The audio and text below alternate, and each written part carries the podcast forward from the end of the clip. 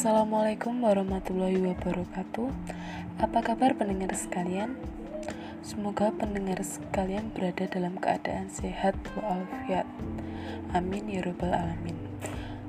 Bertemu lagi bersama saya Narun Pratiwi di channel Psikologi Room.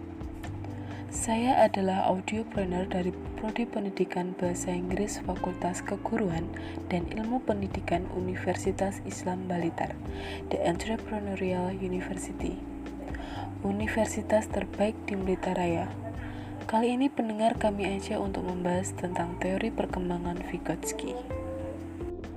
Vygotsky nama lengkapnya adalah Lev Smenovich Vygotsky. Dia adalah seorang psikolog yang berkebangsaan Rusia. Ia lahir di Rusia pada tanggal 5 November 1896. Pada tanggal 11 Juni 1934, ia telah menjadi ahli psikologi perkembangan di Soviet dan dia mendasarkan pada psikologi kultural historis. Kemudian lulus dari Universitas di Moskow pada tahun 1917. Vygotsky sangat giat pada pemikiran atau ide tentang perkembangan kognitif. Teori belajar Vygotsky memberi penekanan pada hakikat sosio-kultural dari pembelajaran. Vygotsky menyatakan bahwa pembelajaran terjadi apabila peserta didik bekerja atau belajar dalam zone of proximal development. Zone of proximal development merupakan celah antara actual development dan potensial development, di mana antara apakah seorang anak dapat melakukan sesuatu tanpa bantuan orang dewasa dan apakah seorang anak dapat melakukan sesuatu dengan arahan orang dewasa atau kerjasama dengan teman sebaya.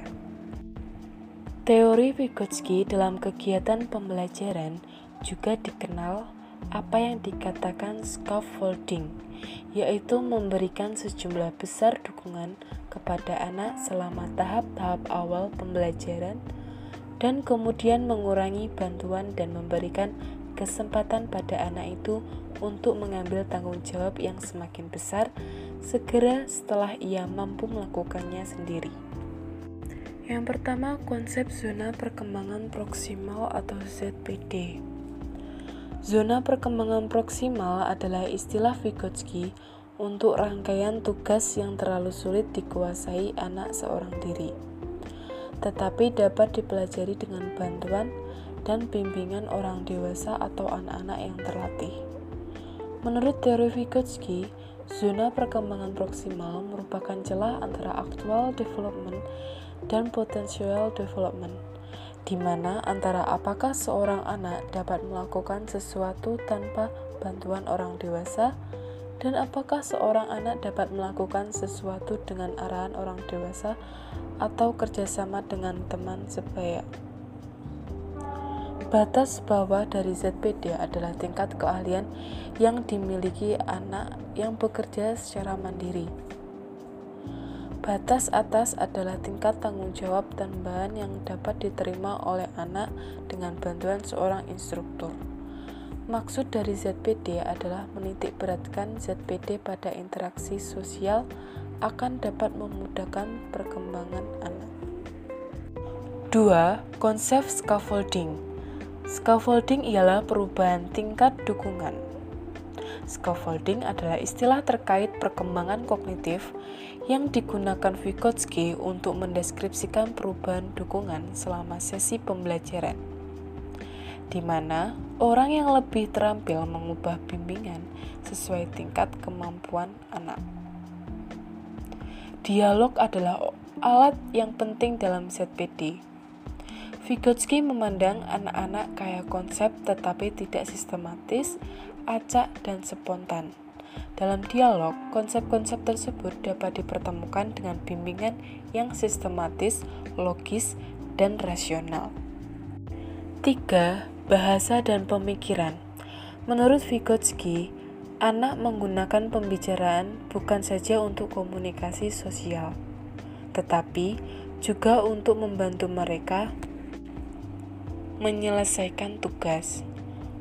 Lebih jauh, Vygotsky yakin bahwa anak pada usia dini menggunakan bahasa untuk merencanakan, membimbing, dan memonitor perilaku mereka. Vygotsky mengatakan bahwa bahasa dan pikiran pada awalnya berkembang terpisah dan kemudian menyatu. Anak harus menggunakan bahasa untuk berkomunikasi dengan orang lain sebelum mereka dapat memfokuskan ke dalam pikiran-pikiran mereka sendiri. Anak juga harus berkomunikasi secara eksternal dan menggunakan bahasa untuk jangka waktu yang lama sebelum mereka membuat transisi dari kemampuan bicara eksternal menjadi internal. Pada dasarnya, teori-teori Vygotsky didasarkan pada tiga ide utama.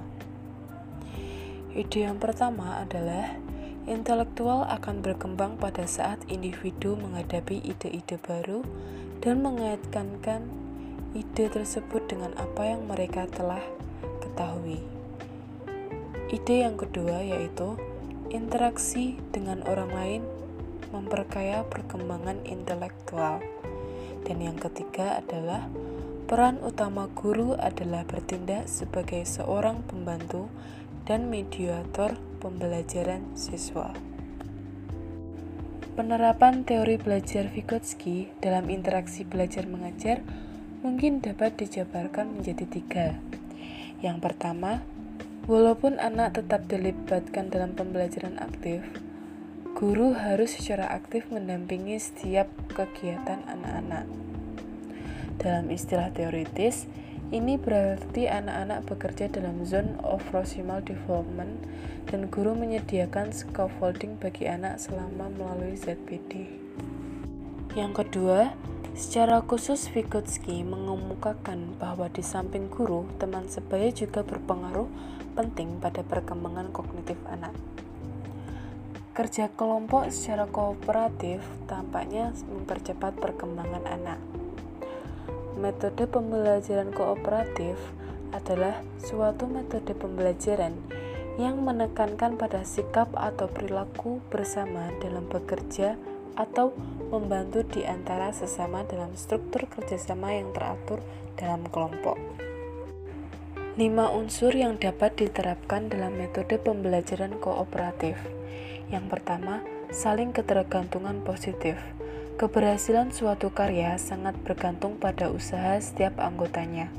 Untuk menciptakan kelompok kerja yang efektif, pengajar perlu menyusun tugas sedemikian rupa sehingga setiap anggota kelompok harus menyelesaikan tugasnya sendiri agar yang lain dapat mencapai tujuan mereka. Yang kedua, tanggung jawab perseorangan.